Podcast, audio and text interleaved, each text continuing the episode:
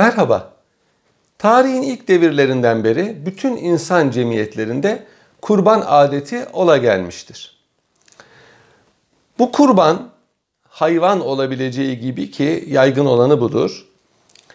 E, bitki olabilir, nebat olabilir. Hatta bazı cemiyetlerde insan olabilir. Eski Yunan'da, Fenikelilerde, Azteklerde ve Vikinglerde biz insan kurbanına rastlıyoruz. Hatta Truva harplerine gelmek için e, gemilere binmiş olan Yunanlar fırtına sebebiyle veya e, rüzgar e, olmayıp da gemiler ilerlemeyince bir insan kurbanı vermek icap etti. Kahinler Menal olsa kız kardeşi Ifigenya'yı kurban etmesini söylediler ve kız kardeşini kurban ettikten sonra güya rüzgar açıldı ve e, Truva'ya gelebildiler. Yani Yunanlarda bu vardı. Fenikeliler çok yaygındı. Baal'ın en çok sevdiği kurban insan kurbanıydı. Azteklerde keza yaygındı. Mısır'da vardı. Eski Mısır'da Nil'in taştığı zamanlarda veya e, suyunun çekildiği zamanlarda insan kurbanı, genç bir kız kurban ederek suyu harekete getirirlerdi. İnsanlık tarihi kadar eski muhtemelen bu insan kurbanı e, bir dejenerasyonun neticesidir. Çünkü Hz. Adem'in iki oğlundan Habil ve Kabil'in arasındaki hadisede de yine kurban meselesi var. Hz. Adem'in çocukları her batında bir kız bir erkek olmak üzere dünyaya geliyorlardı. Her erkek kendi batını ile gelmemiş olan kızla evleniyordu. Adem Aleyhisselam'ın şeriatı böyleydi. Nasıl şimdi kardeşler evlenemez? Onlar da evlenebiliyor ama aynı batında doğanla değil, farklı batında doğanla evleniyordu. Yine bir şer'i hüküm vardı. Kabil kendi batınında doğanla evlenmek istedi. Habil'in önüne geçerek. Ve bunu elde edebilmek için kızın adı İkrima'ydı. Yani yine ilk ihtiraf bir hanım yüzünden çıkmıştır. Kurban takdim edelim dediler. Kabil bir kurban takdim etti. Habil bir kurban takdim etti. Ee, birisi yani Kabil cimrice davrandı, öbürü cömertçe davrandı. Onun kurbanı kabul edildi. Kabil'inki kabul edilmedi. Bunun üzerine Kabil Habil'i öldürdü. Kurban hanesi Yahudi ve Hristiyan dininde de vardır.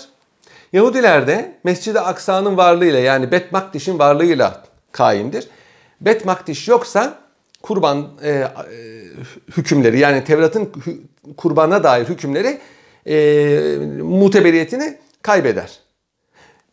Kıyamete yakın Bet Makdis tekrar kurulduğu zaman tekrar kurban ibadeti geri gelecektir.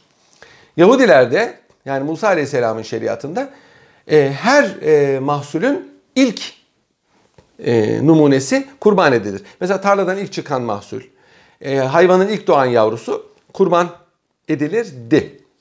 Hristiyanlarda da bu adet var. Fakat onlar İsa Aleyhisselam'ın kendini e, inananlara feda etmesi sebebiyle kurban ananesinin ortadan kalktığına inanırlar ve her pazar günü yapılan mas ayini aslında kurban ibadetinin bir e, sembolüdür. Kurbanın en mühim e, menkıbesi İbrahim Aleyhisselam ile alak- alakalıdır. Kur'an-ı Kerim'de anlatılan bir hadisedir. İbrahim Aleyhisselam'ın çocuğu olmuyordu. Bir oğlu olursa onu Rabbine kurban etmeyi vaat etmişti. İsmail Aleyhisselam dünyaya geldi. Ve çocuk 10 yaşına geldiği zaman e, ahdine vefa göstermesi emredildi. Bunun üzerine İsmail Aleyhisselam'ı kurban etmeye davrandı. İsmail Aleyhisselam da ne evlatmış ki peygamber çocuğu peygamber. Bu buna e, madem ki Rabbin arzusudur diyerek mutavaat, gönül e, rızası gösterdi. E, İbrahim Aleyhisselam'ın hanımı da bir hanım olduğu halde yufka yürekli olur hanımlar buna rıza gösterdi. Bu aile zaten e, imanda kemale e, ulaşmış bir aile. İsmail Aleyhisselam'ı kurban edecekken gökten bir koç gönderildi. İbrahim Aleyhisselam bu ahdine vefa ile imtihan edilmişti. Oğlunu kaldırdı ve o kurbanı o gökten gönderilen, cennetten gönderilen koçu Cebrail aleyhisselam vasıtasıyla gönderilen koçu kurban etti. Böylece inananlar üzerine kurban adeti e, bu şekilde cereyan etti. Bu hadise Kur'an-ı Kerim'de anlatılır ve çok meşhurdur. Hakkında ilahiler ve hikayeler yazılmıştır. Tevrat'ta da aynı menkıbe anlatılıyor. Fakat burada kurban edilen çocuk İshak'tır. Kur'an-ı Kerim'de kurban edilen çocuğun ismi verilmiyor.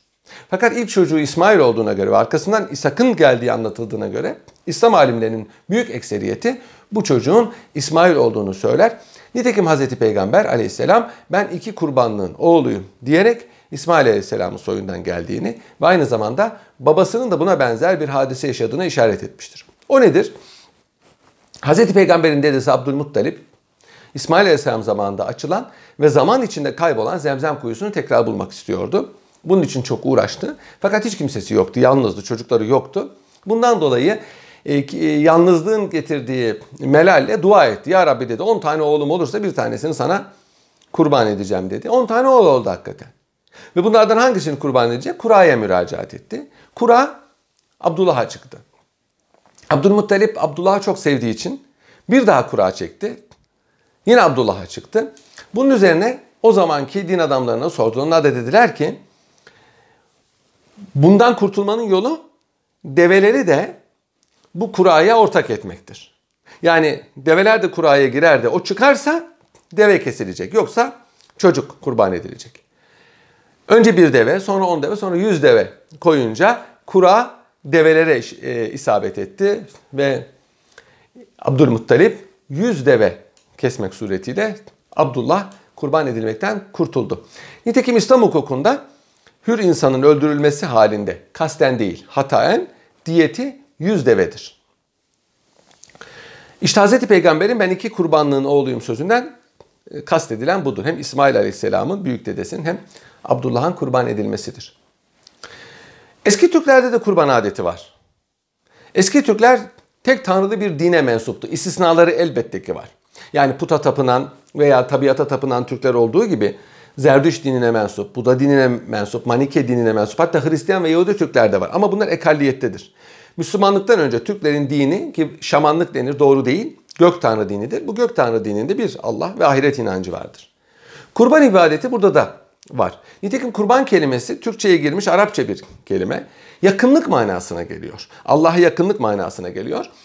Ee, biz kurban dediğimiz zaman Allah'a kesilen kurbanı kastediyoruz. Ama bizim dilimizde kurban olurum, seni yaratana kurban olurum gibi e, bir kişi, kişiye gösterilen tezahüratta da bu kelime kullanılıyor. Arapçası udhiyedir. Udhiye çokluk hali adhadır. Nitekim kurban bayramı ismi de İdül Adha'dır. Kurbanlar bayramı. Udhiye bu kurban duha vaktinde yani kuşluk vaktinde kesildiği için kuşluklama manasına udhiye adını almıştır. Duha Arapça kuşluk demektir. Nitekim kurbanın kesilme vakti güneş doğar ondan sonradır. Güneşin doğumundan sonradır. Buna kuşluk vakti deniyor. Bütün dillerde bunun için kullanılan kelimeler az çok birbirine mana olarak yakın. Ve sacrifice, Allah'a bir şeyi takdim ederek takdis etmek manası. Offering, bir şey vermek, e, takdim etmek manasına gelir. Eski ahitte geçen minha kelimesi bağış, atiye manasınadır ki Arapçada da aynı manada kullanılmıştır. Arapçada dediğim gibi udhiye kullanılıyor. Bizim dilimize kurban olarak geçmiştir. Kurban da Arapça bir kelime olmakla beraber bunu kasteder. Nasıl ki e, sünnet olmak için biz diyoruz. Halbuki sünnet Hazreti Peygamber'in yolu demektir. Onun Arapçası hitandır. Bizde hitan değil sünnet olmak dendi mi erkek çocukların meşhur merasimi anlaşılır. Bizde de kurban dendiği zaman bu anlaşılıyor. İslam dininde Kur'an-ı Kerim kurban kesmeyi emrediyor. Bu emir açık olmadığı için ulema bunun şer'i hükmünde itilaf etmiştir. İmam-ı Azam Ebu Hanife'ye göre bu vaciptir. Kevser suresine geçen Rabbin için namaz kıl ve kurban kes e, ayet-i kerimesinde tam açıklık olmadığı için bayram namazına ve kurban kesmeye İmam Ebu Hanife vacip demiştir. Farz dememiştir. Farz ancak açık olan emirler için söyleniyor. Eski ulema Allah'ın dinine karşı böyle saygılıdır. Kafadan hüküm vermemeye dikkat ederler. Diğer üç mezhepte kurban kesmek sünnet-i müekkededir. Kuvvetli sünnettir. Hazreti Peygamber e, gücü yettiği halde kurban kesmeyeni bizim dergahımıza gelmesin diyerek reddetmiştir. Bundan dolayı kurban kuvvetli bir ibadettir. Eski Türklerde de kurban adeti var dedik. Üç çeşit kurban kesiliyor. Bir gök tanrı için kesilen kurban var. E, at olabilir bu. Sığır olabilir. Davar yani keçi veya koyun olabilir. E, bir de geyik olabilir. Dört çeşit kurban var eski Türklerde. Gök tanrı için kesilen kurbanın mutlaka beyaz olması ve açık renk olması icap eder. Bir de şeytanın şerrinden korunmak için bir kurban kesilir. Onun mutlaka boynuzlu olması lazım. Dolayısıyla at pek bu iş için uygun değil. Boynuzlu bir hayvan kesilir. Ve e, üçüncüsü ataların ruhu için kesilen kurbandır. Bunların hepsinin ritüelleri aynıdır. E, haftanın, işte senenin iki günü vardır. Gün ve gecenin eşit olduğu. Yani 21 Mart, 21 Eylül. Kurban o zaman kesilir. Nerede kesilir? Belli yerlerde kesilir. Belli ağaçlar ve taşlar vardır. Kurban için mezbah olarak tayin edilmiştir. Orada, nitekim diğer dinlerde de öyledir. Burada kesilir. Hayvanın e, kanı yere dökülmez, biriktirilir. Bazısının etleri yenir bazı kurbanların. Bazı etleri yenilmez, gömülür. E, boynuzları aynı şekilde kırılmaz. Belli bir yere konur. Yani şeytanın şerrinden korunmak için kesilen hayvanların. Yani kurban ciddi bir ritüeldir. Hatta bu kurban kesilen yerler, mezbahlar süslenir. Bayram yeri gibi. Ve senede iki kere bu ritüele biz rastlıyoruz. Enteresan olanı bu e, kesilen kurbanın kemikleri kırılmaz. Gömülür. Nitekim İslamiyet'te de akika denilen şükür hayvanının kemikleri kırılmaz ve aynı şekilde gömülür.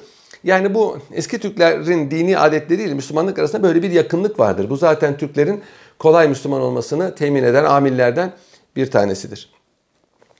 Kurban adeti bizim hayatımıza girmişti. Evet kurbanı kesebilmek için belli bir mali seviyede olmak lazım. Bu zekat nisabından farklıdır. Mesela bir kimsenin zekat verebilmesi için borçlarından ayrı 96 gram altın veya onun muadili para, tahvil, hisse senedi yahut ticaret malı olması icap eder. Buna mukabil mesela 672 gram gümüşü olan da yine zekat verir. Bunun 40'ta birini ayırır zekat verir. Üzerinden bir sene geçmesi icap eder. Kurban için böyle bir şey yok. Mesela e, zekatta 3 tane evi olan adam hiç parası yoksa zekat vermez ama kurban keser.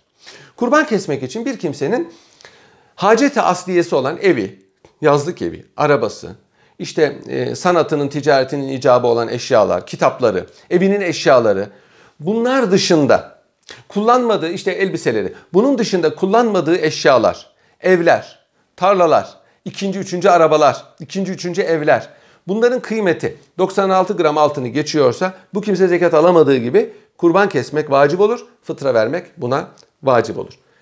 Eskiden Osmanlılar zamanında zengin de fakir de kurban keserdi. Fakiri kestiği kurban vacip değildir, nafile olur.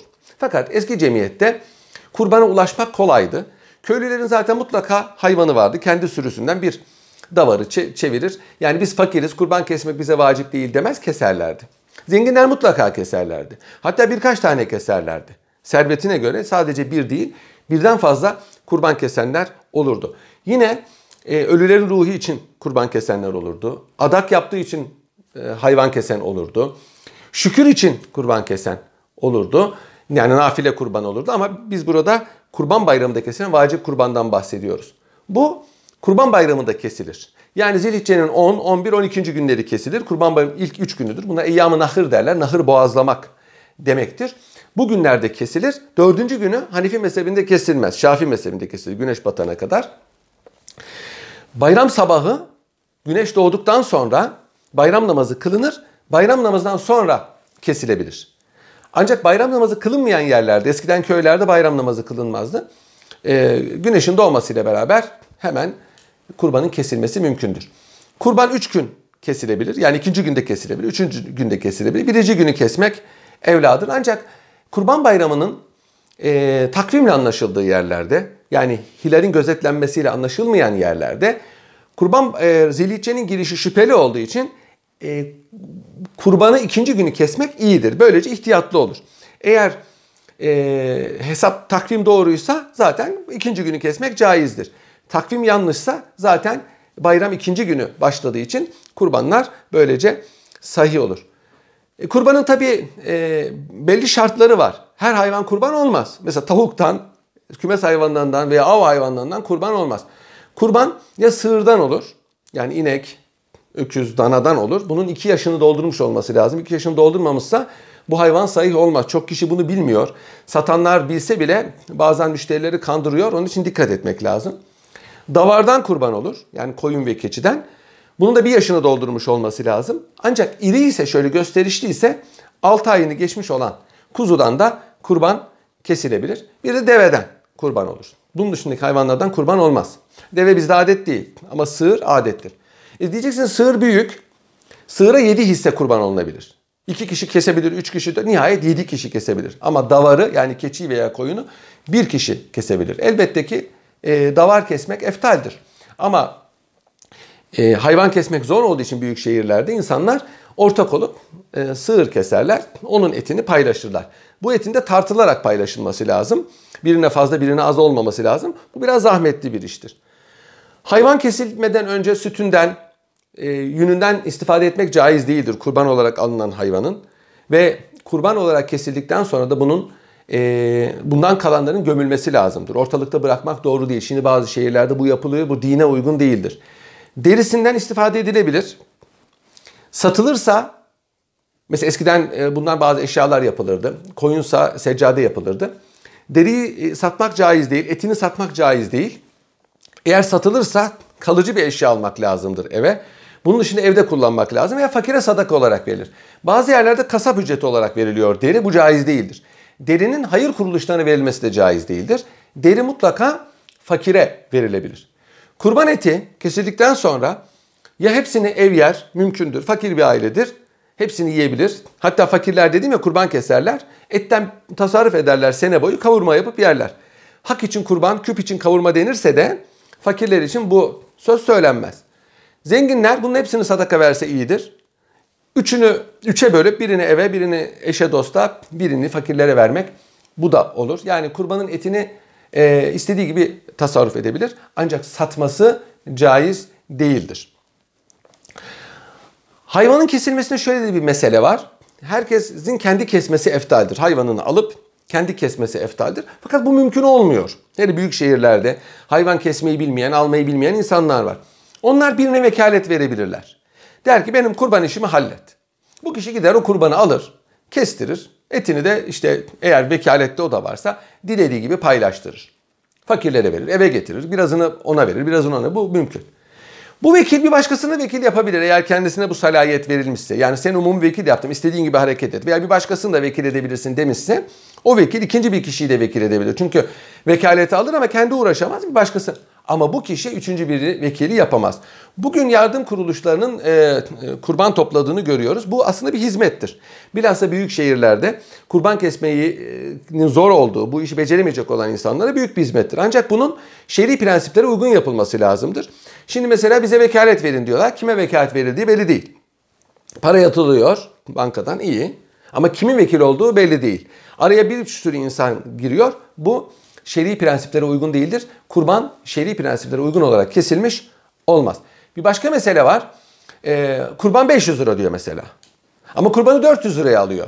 Bu 100 lirayı sahibine iade etmesi lazım. Şer'i hükümler bunu icap ettirir ama etmiyor. Ondan istifade edemez. Bu da caiz değil. Ne yapması lazım?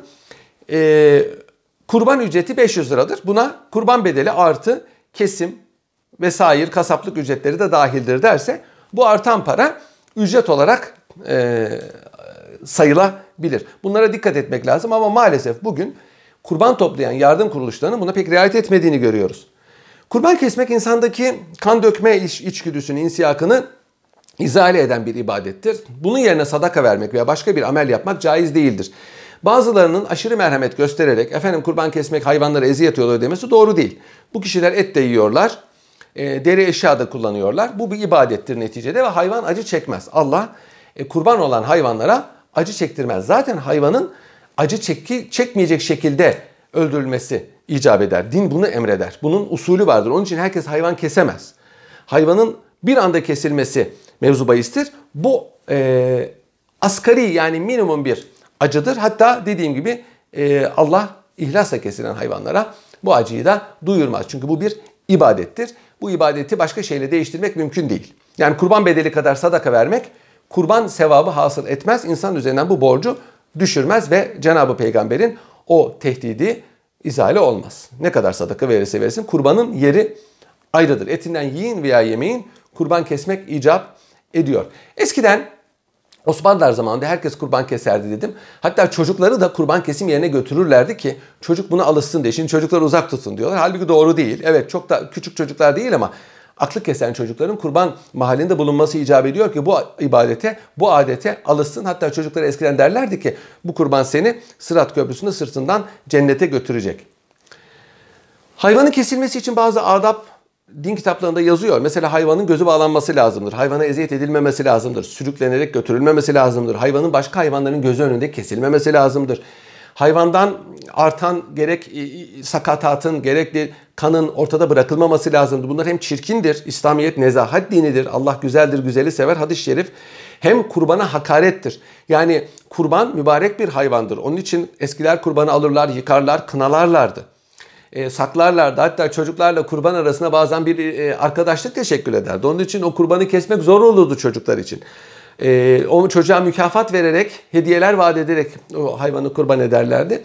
Yani kurbana e, kurban muamelesi yapmak icap ediyor. Bazıları İslamiyet'te kurban yoktur. Orada kastedilen e, Rabbin için hayvan boğazla ayet-i farklı manalara gelir diyorlar ki bu doğru değildir. Asırlar boyunca kurban o ayet-i bu şekilde anlaşılmıştır. Bütün dinlerde olduğu gibi İslamiyet'te de kurban adeti vardır. Keser, kesmez o ayrı bir mesele. Herkesin kendi bileceği bir iştir. Ama İslamiyet'te kurban adeti vardır ve bu şekilde cereyan eder. Yani bunu merhamet edebiyatına dönüştürmek doğru değildir. Yapar veya yapmaz ama e, insanların din hürriyetine hiç kimsenin müdahale etmesi mümkün değildir. Ama bu da kurban kesenlerin nezahatten uzak olmasını icap ettirmez. Eee Eskiden İstanbul'a dışarılardan sürüler gelirdi büyük şehirlere. Bu sürülerden herkes seçer, bir hayvan alır. Bahçesinde beslerdi o hayvana, çok ihtimam ederdi. Ee, dediğim gibi fakirler de keserdi. Sığır tercih edilmezdi. Eskiden zaten Osmanlı Türkleri sığır etini de sevmezlerdi. Koyun etini severlerdi. Koyun eti yağlı ve lezzetlidir. Sığır eti daha hassasıdır. Sığır eti hastalara, nekaat devrindeki hastalara verilirdi. Onun için kasaplarda falan da bulunmazdı eskiden koyun eti yaygındı. Ama zaman içinde bu arttı.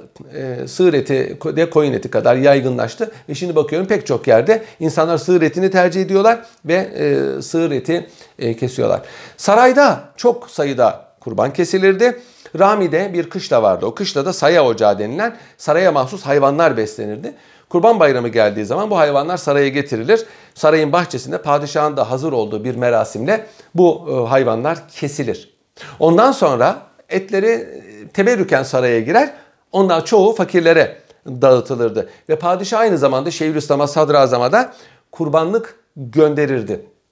Eskiden dediğim gibi pek çok eve e, et girmediği için kurban e, bayramı bir et bayramı hüviyeti alırdı. Herkes ete doyardı, kavurma yapardı. Zenginler de kestikleri hayvanların çoğunu dağıtırlardı e, İbrahim Aleyhisselam zamanında o, o gelen koçun ciğerini ilk olarak közleyip yedikleri için ciğer közleyip yemek adet olmuştur. Yani kesilen kurbanın en önce ciğeri yenir. Benim çocukluğumda da bekletilirdi.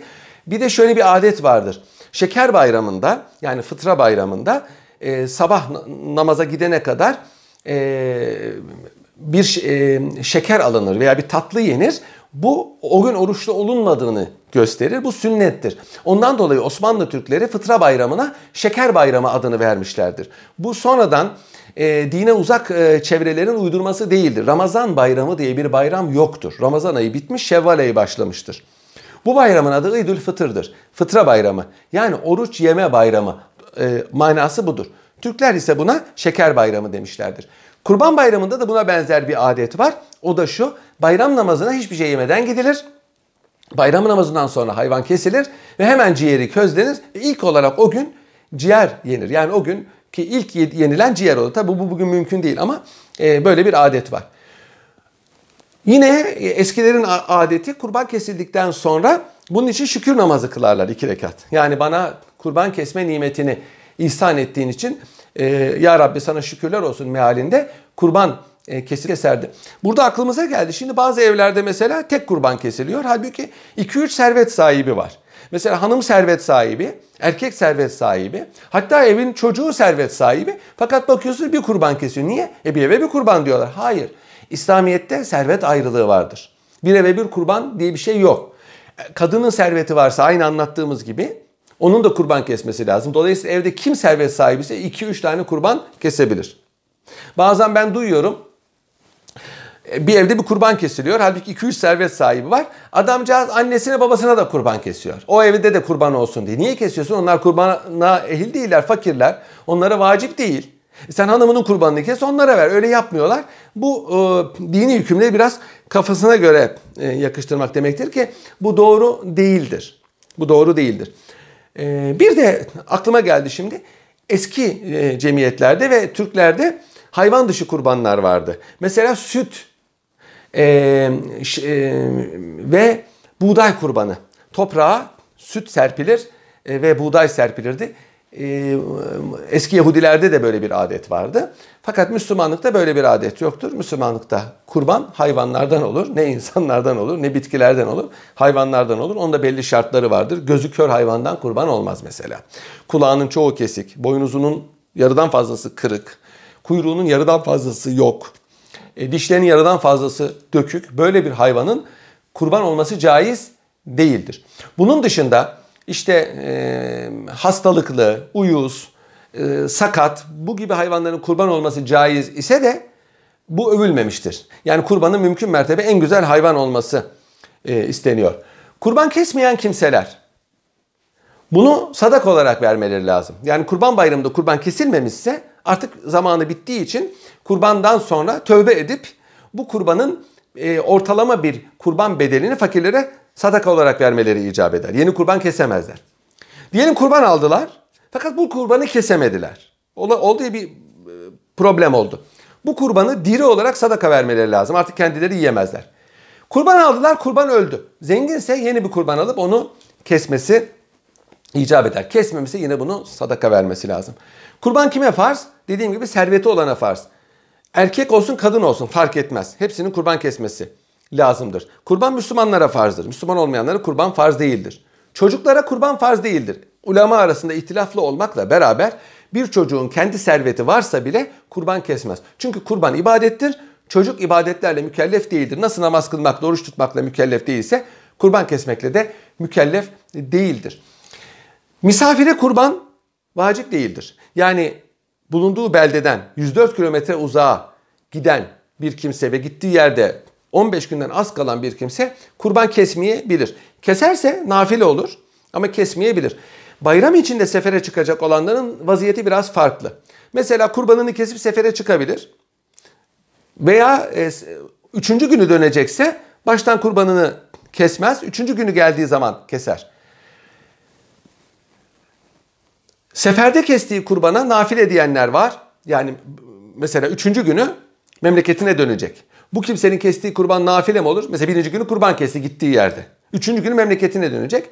Tekrar kurban kesmesi lazım üçüncü günü. Çünkü seferde ona kurban vacip değil. Memleketine dönünce vacip olacak. O seferde kestiği için nafile olur. Bazı alimlere göre bu kurban kifayet eder. Çünkü üçüncü günü o e, memleketine varacak ve seferi olmaktan çıkacaktır. Aynı şekilde bayramın iki günü fakir olan fakat bayramın üçüncü günü toplu para geleceğini bilen bir kimse bayramın birinci günü keserse bayramın üçüncü günü o toplu para gelirse ona o birinci günü kesmiş olduğu kurban ona kifayet eder. Herkesin kurban bayramını tebrik ediyorum. Hoşçakalın.